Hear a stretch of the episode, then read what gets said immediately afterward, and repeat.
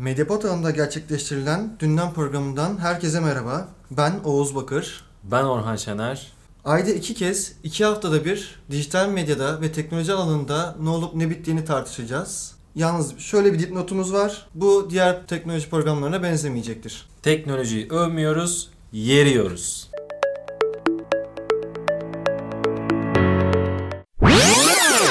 Kur'an-ı Kerim'de 14 yerde geçen secde ayetlerinden birini okumak veya işitmek durumunda yapılan secdeye tilavet secdesi denir. Denir ama bunun konumuzla ne ilgisi var istersen sen söyle Oğuz. Şöyle ki 2019'da internette en çok arananlar e, listesi açıklanmıştı ve burada da tilavet secdesi bölüm vardı. Diğer arananlardan arasında işte İstanbul 2019 seçimi, e, Geleceğe Nefes, bu yanlış hatırlamıyorsam ağaç kampanyasıydı. Hı hı. İşte YSK, deprem ve sigara fiyatları. Aslında bunlar çok hani olabilecek olan şeyler. Ama tilavet secdesi sence neden? Hani onun insan neden aratır? Bunun için Diyanet'ten uzmanımızla görüşmüştük ama e, maalesef e, bize bir cevap vermeyi reddettiler. O sebepten bilemiyoruz. İnanın neden teravih değil, cuma değil, bayram namazı değil, tilavet secdesi gerçekten merak uyandıran bir konu. Bunun yanında benim ilgimi çeken birkaç başlık daha, başlık daha var. Nasıl yapılır kısmında revani. Revani nasıl yapılır? Halkımız ilginç şeylere merak ediyor. Bir de e, en çok aranan şarkılar kısmı var. Onlardan bazıları dikkatimi çekti. Derdim olsun Reymen, Susamam, e, Şanışer, Çok Sevdim Yalan Oldu, Fatih Bulut, Ela, Reymen, Mekanın Sahibi Norm Ender. E bunlar zaten yani Rain Man e, ve Norm Ender bu senenin halk arasında, kitler arasında çokça dinlenen şarkılarını ama burada benim dikkatimi çeken Fatih Bulut'un çok sevdiğim Yalan Oldu şarkısı. Neden bu kadar ünlü? Çünkü bir TikTok hiti kendisi. Henüz dinlemediyseniz dinleyiniz ve memleketimiz popüler kültürüne biraz daha e, aşina olunuz diyelim. Çok sevdim yalan oldu zalim geceler aslında bu te- bölümümüzün başlığı teknoloji iyi mi kötü mü diye koymuştuk. Bu da biraz Alev Alatlı'ya ile ilgili daha doğrusu. TRT 2'de ihmal edilebilir nasihatler diye bir programı var Alev Alatlı'nın. Ve bir bölümde teknoloji bölümü var. Orada şunu söylüyor. Son nasihatte e, dediniz ki toprağı bol olsun Marx ki din kitlelerin afyonudur demişti. E, ama bugün gelinen noktada kitlelerin afyonu teknolojidir dediniz. Evet. Ondan sonra bir korku daha açılıyorsunuz. Ne korkusu? Robotlar ve e, yapay zeka robotlar ah işte gelecekler yiyecekler bizi de göreceksiniz gününüzü diyor Kim Hawking. Teknoloji kitlelerin afyonudur. Biraz Marx'a e, gönderme yaparak. Bunun nedeni olarak da şunu söylüyor aslında. Teknolojik ilerlemeyi kötülüklerin bahanesi olarak gösteriyorlar. Kötülüklerden kastım insanlara acı veren teknolojik ilerleme. Hatta Stephen Hawking'in yapay zeka robotlar gelecek sizi yiyecek demesiyle insanları korkutuyorsunuz diye de devam eden bir açıklaması var.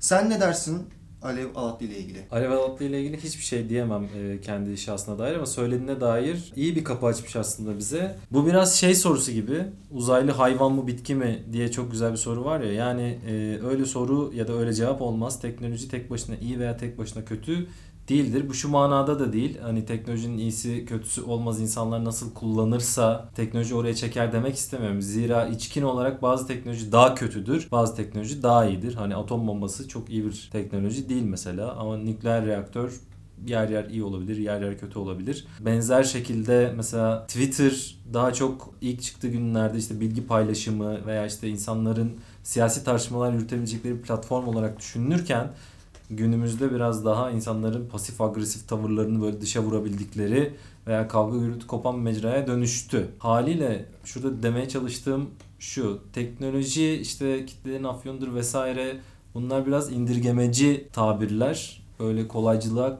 kapılmamak lazım ama şunu da kabul etmek gerekiyor ki özellikle dijital teknolojiler özellikle de internet ilk günlerinde e, mutlak şekilde iyi olarak gö- görülüyordu. Yani daha dün izledim herhalde e, 95-96 senesinde 32. gün yayınında e, Mehmet Ali Birant artık e, biz de internetteyiz deyip interneti tanıttığı bir bölüm var ve söylenen neredeyse her şey pozitif. İşte bilgi ağı, insanlar bununla dünyalı olacak, herkes birbirine bağlanacak vesaire. Facebook'ta ilk çıktığı günlerde Zuckerberg'ün en büyük argümanı herkesi birbiriyle iletiştireceğiz. Bir şekilde bir bağ kuracağız ve bu da işte dünya için çok iyidir deniyordu. Veyahut da işte 2008 İran seçimleri, Twitter vesaire sanki böyle internet bir çeşit demokrasi makinesiymiş de bir ülkenin üstüne atarsan hemen o ülke demokratikleşirmiş gibi düşünülüyordu.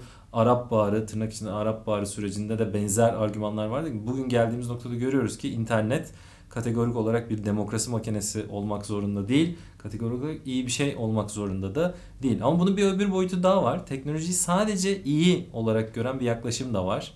Biliyorsun bazı ünlü hocalarımız internetten e, sabah akşam zıplayan robot videoları paylaşıyorlar ve işte e, dünya bunlarla uğraşıyor. Biz hala işte e, boş siyasi tartışmaların peşindeyiz gibi bazı argümanlar içerisinde. O zıplayıp duran robotların ne kadar iyi olup olmadığı zaten tartışılan bir konu. Teknoloji tek başına bizi illa ileriye götürmek zorunda değil. Tek başına bizim afyonumuz olmak zorunda da değil. Bu meselelerde e, açıkçası vaka bazlı düşünmek ve devamlı eleştirel bir yaklaşımda olmak bence daha sağlıklı. Abi benim kafamı kurcalayan şu aslında hani Alev Alattı neden böyle bir şey söylüyor? Çünkü alanı teknoloji olan birisi değil. Ee, hani alanının çok ne olduğunu bilmiyoruz. Sadece her konuda konuştuğu için bilmiyoruz asıl alanın ne olduğunu açıkçası. Hani neden bir bilgisayar mühendisidir ya da bir teknik ya da teknolojiyle ilgilenen birisi değil de sence Alev Alattı çıkıp bunu söylüyor? Yani bilgisayar mühendisi değil zaten bununla ilgili konuşacak olan kişi en başta onu söyleyeyim. E, mühendisler teknoloji üreten insanlar ama e, teknolojinin topluma olan etkisini en iyi bilecek olanların onlar olduğunu zannetmiyorum. O kadar iyi olsaydı Zuckerberg'ün her yaptığı bizim için müthiş çözüm olurdu ki kendisini kandıran şey de bu zaten. Alattı neden konuşuyor onu tabii kendisine sormak gerekir ama ülkemizde zaten böyle bir furya var. Yani Soner Yalçın da son günlerde en büyük tıp uzmanı oldu mesela. O sebepten e, yani kimse kendi alanının dışına çıkmasın diye bir şey kesinlikle söyleyemem. Herkes her şeyi söyleyebilir ama e, onların söyleme hakkı olduğu gibi bizim de kale almama hakkımız var diye düşünüyorum. Peki e, bu konuyla bağlantılı da e, şöyle bir şey vardı. Journa.com.tr'de çıkmıştı bu yazı.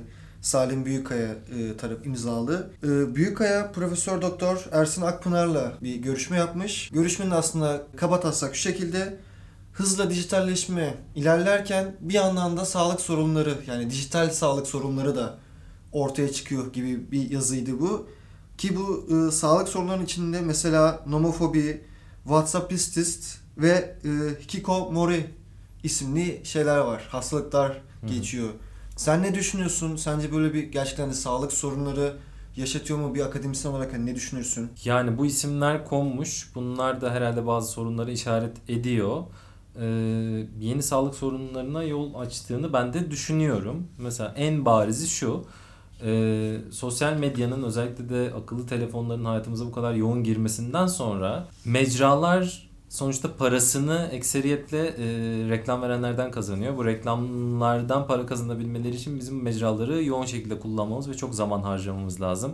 İlgi ekonomisi deniyor buna biliyorsun. E, kısıtlı olan şey artık e, ilgimiz ve zaman. Ekranda e, bir yarış sürmekte.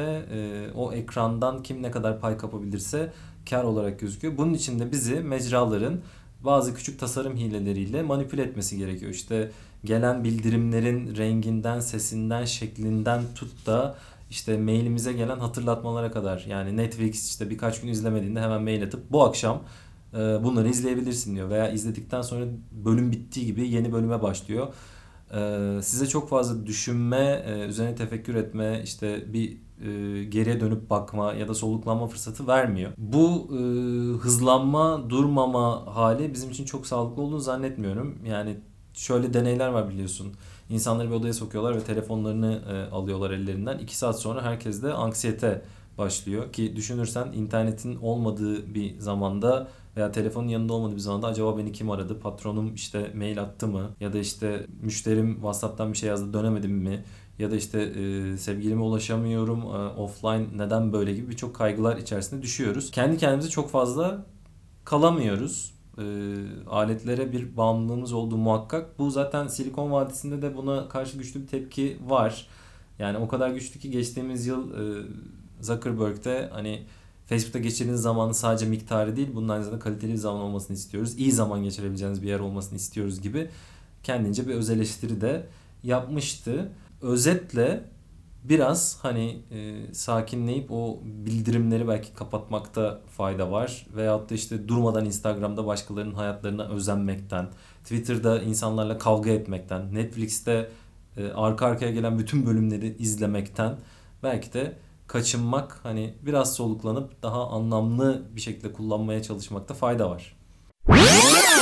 güldüğüm bir bölüm. Nedenini yani konuşunca anlayacaklar zaten dinleyenler de. Ee, Türk Dil Kurumu liderliğinde e, yeni iletişim ortamlarında Türkçe diye İstanbul Gelişim Üniversitesi'nde bir e, zirve yapıldı ya da etkinlik yapıldı daha doğrusu. Ve burada da sosyal medyada kullandığımız terimlerin Türkçeleştirilmesi. Mesela Hani örnek vermek gerekiyorsa retweet'in e, sektirme olarak e, önermişler. Stalker'ın sanal casusluk, diss atmak, cevap yollamak ki aslında zaten aynı anlama geliyor. E, influencer, deneyimleyici gibi ama şu sektirme e, şeyi bana Ya hepsinin üstünden tek tek geçelim mesela. Bence hepsi yanlış. Retweet, sektirme. Bir şey sektirmiyoruz, bir şeyi tekrar paylaşıyoruz. O yüzden isim zaten kendisini karşılamadı. Diğeri, Stalker, sanal casusluk. casus değilsin. Ee, yani sanal ca- casus o zaman virtual e, işte spy falan olması lazım. Çok saçma. Yaptığımız şey casusluk değil. Birisini e, kamusal alanda paylaştığı şeyleri onun çok haberi olmadan merakımızdan, kişisel merakımızdan dolayı gözetleme durumu stalk etmek. Binge watch, dizi bitiren, duraksız izlemek, aralıksız izlemek. Bu olabilir. Peki diss atmak, cevap yollamak. Yani dis atmak dis atmaktır. Cevap yollamaya gerek. Ya bir de şöyle bir şey var. Her şeyi kalkıp siz bu şekilde çeviremezsiniz. Zira şimdi dil dediğim şey organik bir şey. Bizde devamlı şöyle bir şey. Dil dediğiniz sanki TDK tarafından üretilmiş. Bizim de o kurallara uyarak konuşmamız gereken bir şeymiş gibi. Hayır, dil organiktir ve insanların arasında geliştirdikleri bir şeydir. Her yörenin, e, her bölgenin, her ülkenin veya iki kişi arasında bile farklı bir dil kullanımı olabilir. Bunu tepeden gelen kurallarla e, değiştirmeye çalıştığınızda garip yerlere gider. Tabii ki düzenleyici kurumlar olmalı. İşin işte nasıl ki trafik işaretleri, trafik kuralları var, kolaylaştırıcı e, regülasyonlar olabilir. Buna bir şey demiyorum ama bunun gibi özellikle dijital dünyanın yeni kavramlarını durmadan böyle çevirmeye çalışırsanız, bunu bir de kötü şekilde yaparsanız büyük sıkıntı çıkar. Çünkü teknoloji dilim gelişiminden daha hızlı bir şekilde ilerliyor. Bu böyle yapılmaz. Nasıl yapılır? Mesela post-truth lafı, insanlar post-truth lafını çok fazla kullanınca Oxford Sözlük bunu işte yılın kelimesi seçti ve sözlüğe ekledi değil mi? Benzer şekilde e, bu gibi dil kurumlarının yapması gereken hali hazırda kullanımda olan kelimeleri sözlüğe eklemek. Onların kalkıp kendince tırnak içinde söyleyeyim Türkçesine bulmaya çalışmak değil. Ha bilgisayar gibi mesela güzel tabirler var. Gerçi bilgisayar da sadece bilgi saymaz ama güzel bir şekilde girmiştir hayatımıza ve kullanıyoruz. Olabilir. Böyle güzel şeyler bulduktan sonra sorun yok bence ama kalkıp da böyle garip garip dayatmalar olup olmayacak kelime önermelerinin kimseye faydası olduğunu zannetmiyorum. Bunlarla ancak kendinize güldürürsünüz. Son zamanlarda Türkiye'de Google e, rekabet kurumu ile ilgili bir çekilme durumu var. Ya açıkçası ben bu konuyu çok bilmiyorum hem de sana sorunca biraz öğreneceğim. E, ama şöyle bir şey olduğunu biraz hani araştırdığımda görmüştüm. Android cihazlar bir sıkıntı yaşayacak hani aplikasyon indirme konusunda çünkü Google Play haliyle kalmıyor ve üçüncü elden indirmek gerekiyor. Yani telefonu internetten o aplikasyonu indirip e, devam etmek gerekiyor e, deniyor çoğu sayfalarda ve mecralarda. Sen ne dersin bununla ilgili? Yani buna biraz baktım. Çok da aklım almadı açıkçası ama şimdi benim dışarıdan okuyabildiğim şu. Dünyanın her yerinde teknoloji, dev teknoloji şirketlerine karşı devletlerin daha böyle bir regülasyon yapma meyili var. Bunun da e, iki sebebi var diye düşünüyorum ben. Bir, geçtiğimiz hafta da bahsetmiştik. İnternet sınırları kaldıracak ulusal devletlerin, e, ulus devletlerin bir manası kalmayacak. E, işte küreselleşme vesaire gibi bir trend vardı. Ama e, ulus devletlerin buna karşı ciddi bir direniş gösterdiğini görüyoruz. Özellikle daha otokratik diyebileceğimiz Rusya, Çin gibi ülkelerde, İran'da vesaire zaten bu iş iyi kötü aşılmış durumda. İnternet kendi sınırlarının içerisinde bir şekilde hapsedilmiş ve yoğun bir regülasyon altında. Ama e, dünyanın geri kalanında da daha yumuşak düzeylerde olsa da Avrupa Birliği'nden e, Amerika Birleşik Devletleri'ne kadar birçok düzenleyici kuruluş hem bu teknoloji şirketlerine kurallar dayatıyor hem de genel olarak işte internetin nasıl kullanılacağına dair bazı düzenleme sistemleri, sansür vesaire işletiyorlar. Türkiye'de bunu yoğun olarak yapanlardan birisi. Bu tarafta çok bir şey diyemiyorum. Yani e, iyi kötü bir düzenleme lazım. Sonuçta bu artık eski bir sanal falan bir dünya değil. E, doğrudan fiziksel dünyanın bir e, tezahürü. Ancak öbür tarafta bir sebebi daha var. Bu da şöyle bir mantığa dayanıyor. Bu kadar büyük paralar dönüyor. Biz neden bundan bir pay almıyoruz? Tabii ki devletler kendi sınırları içerisinde vergi alma hakkına sahipler. Bu meşru bir talep. Ancak bu vergi alma talebi haraç kesme vari e, bir hal alınca orada sorun var. Türkiye'de şimdi Google'ın yaşadığı benim gördüğüm kadarıyla çok basit bir teknik meseleye en son dayandırılarak Google'a deniyor ki kardeşim sen bu e, Android telefonları bu şekilde bu ülke içerisinde satamazsın. Çünkü işte default olarak gelen birçok program var. Bunların böyle gelmemesi lazım. İnsanlar kuracaksa kendileri kursunlar. Yani bu ne kadar mantıklı, ne kadar akla yatkın bilmiyorum. İşin sonunda da daha önce Booking.com'da yaşadığımız, Uber'de yaşadığımız veyahut da zamanında işte YouTube'da vesairede olan buydu. İşte burada ofis açsınlar, önce vergilerini ödesinler. Tamam bunlar güzel talepler. Vergi açsınlar, ver- vergilerini ödesinler, ofis açsınlar falan da. Yani işin sonunda Türkiye'de Android telefon satılamaz, kullanılamaz hale gelirse bundan ne Türkiye Cumhuriyeti'nin mali sistemi ne de Türkiye Cumhuriyeti'nin vatandaşlarına bir hayır gelir. Kaybeden de Google ya da Android değil biz oluruz. O sebepten hani meşru taleplerin kalkıp da olup olmayacak sınırlara çekilmesi ve işte hani dijital dünyanın kendi böyle mantığına aykırı işler yapılmasının hiç faydalı olmadığını düşünüyorum. Peki şöyle bir şey soracağım bu arada. Hani bir teknik ya da e, hani şirketler arası da devlet arasındaki olan mevzuyu geçip ya bir kenara koyup e, mesela bu e, devam ederse eğer YouTube, Gmail ve Google artık kullanamayacağız neredeyse. Görünen o çünkü. Sence hani insanlar üzerine ne, ne gibi bir etkisi olabilir? Çünkü en çok kullandığımız 3 yeri de kullanamayacağız. Yani böyle bir şeyi çok benim aklım almıyor açıkçası. Ee, iş oraya kadar da gelmez diye düşünüyorum. Bunlar böyle bir biraz hani güç gösterisi. İşin sonunda da ortak bir anlaşmaya varılır herhalde. Ama benzer şekilde Booking.com'da da böyle düşünüyorduk. Bugün Booking.com Türkiye'de çalışmıyor. Uber'den zaten ümidimiz yoktu. Ee, olamadı bile. Yani Wikipedia açılır diyorduk. Açılmadı. Ee, Türkiye zaten dışa kapanan bir ülke son 5 yıldır özellikle ama bu kadar radikal bir değişim yani Çin olur muyuz? Olmayız herhalde. Ee, insanların da buna hazır olduğunu zannetmiyorum. Ee, aklı selime davet ediyorum tarafları ne diyeyim. Peki e, diğer konuda şu internet teknoloji devleri devlet kontrolünde artık e, daha da kaçamıyorlar ve çatışmaların artacağını görüyoruz. O da şu yüzden e, hatırlarsa dinleyiciler ya sen de hatırlarsan geçtiğimiz hafta konuşmuştuk. Rusya'da milli yerli ve milli bir e, internet e, yasası onaylanmıştı. Putin tarafından imzalanmıştı. Şimdi bir de buna Çin'de e, yapıldığını gördük. Ama tabii sadece devlet dairelerinde diye geçiyor. Yani ne demek istersin bununla ilgili? Yani biraz önce söylediğimizin işte devamı aslında bu. Ee, Rusya'daki mesele zaten onun kendi işte teknolojik alanını kontrol etmesiyle ilgili. Çin'deki mesele daha çok Amerika Birleşik Devletleri Çin arasındaki ticaret savaşının bir e, yansıması. ABD'de Huawei telefonlara karşı bir düzenleme getirildiği için Çin'de benzer şekilde biz de hani dışarıdan gelen teknolojik ürünlerde düzenlemeye gideriz demeye getiriyor. Ee, bunların artacağını tahmin ediyorum ben. Çin'in gücü arttıkça tabii kendi mesele şu e, teknoloji ekseriyetle ABD merkezli olarak gelişti son 20 yıldır dijital teknolojiler. Paranın da çoğu buraya gitti. Bazı kuzey ülkeleri ve Avrupa'nın birkaç yeri hariç. Çin bu kadar büyümüş ekonomisi ve dijital teknolojilerde hem e, imalat hem de işte yazılım bakımından e, bayağı ileri noktaya gitti. Bu pazardan pay kapmak istiyor haliyle. E, ABD'de bu pazarı kolay kolay terk etmek istemiyor.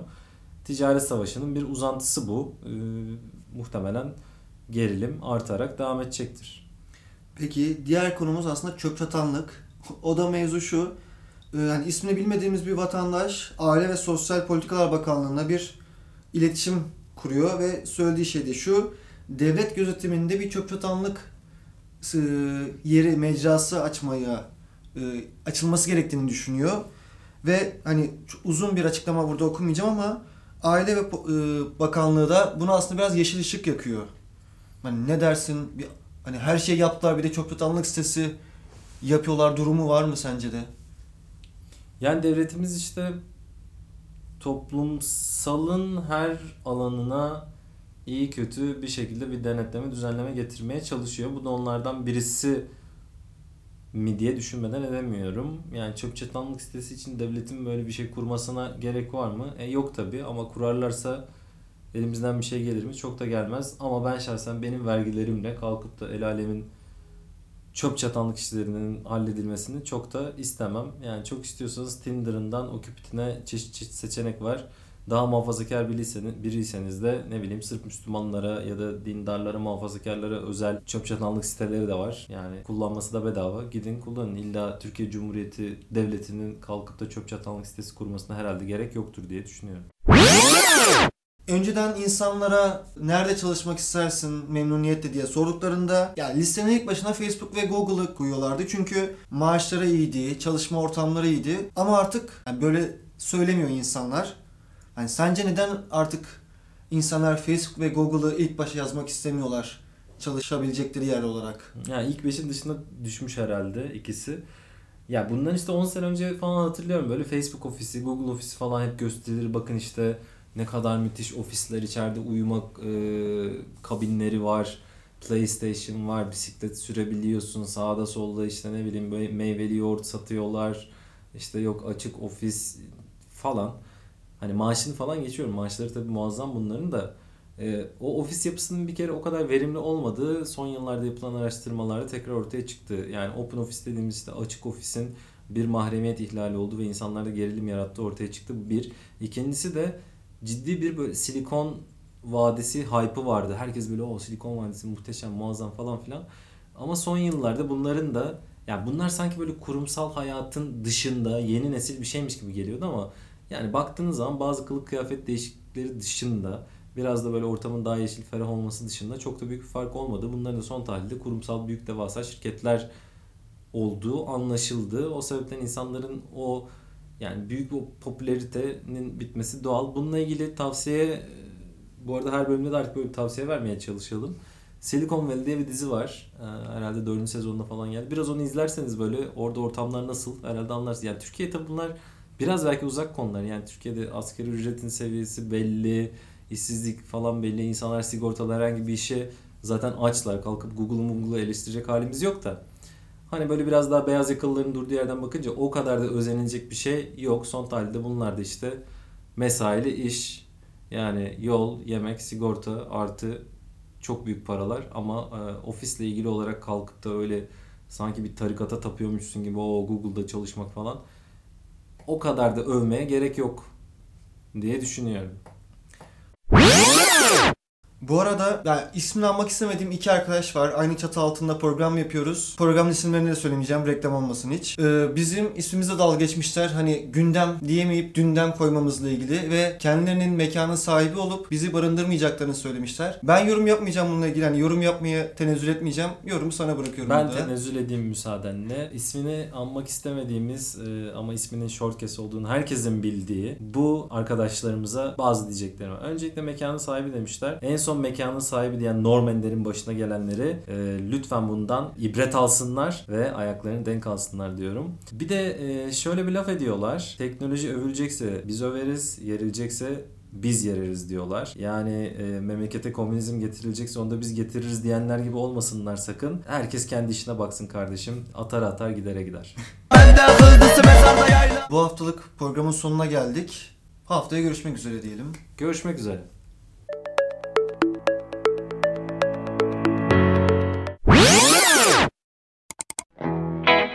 Medyapod'un podcastlerine Spotify, Google Podcast, iTunes ve Spreaker üzerinden ulaşabilirsiniz.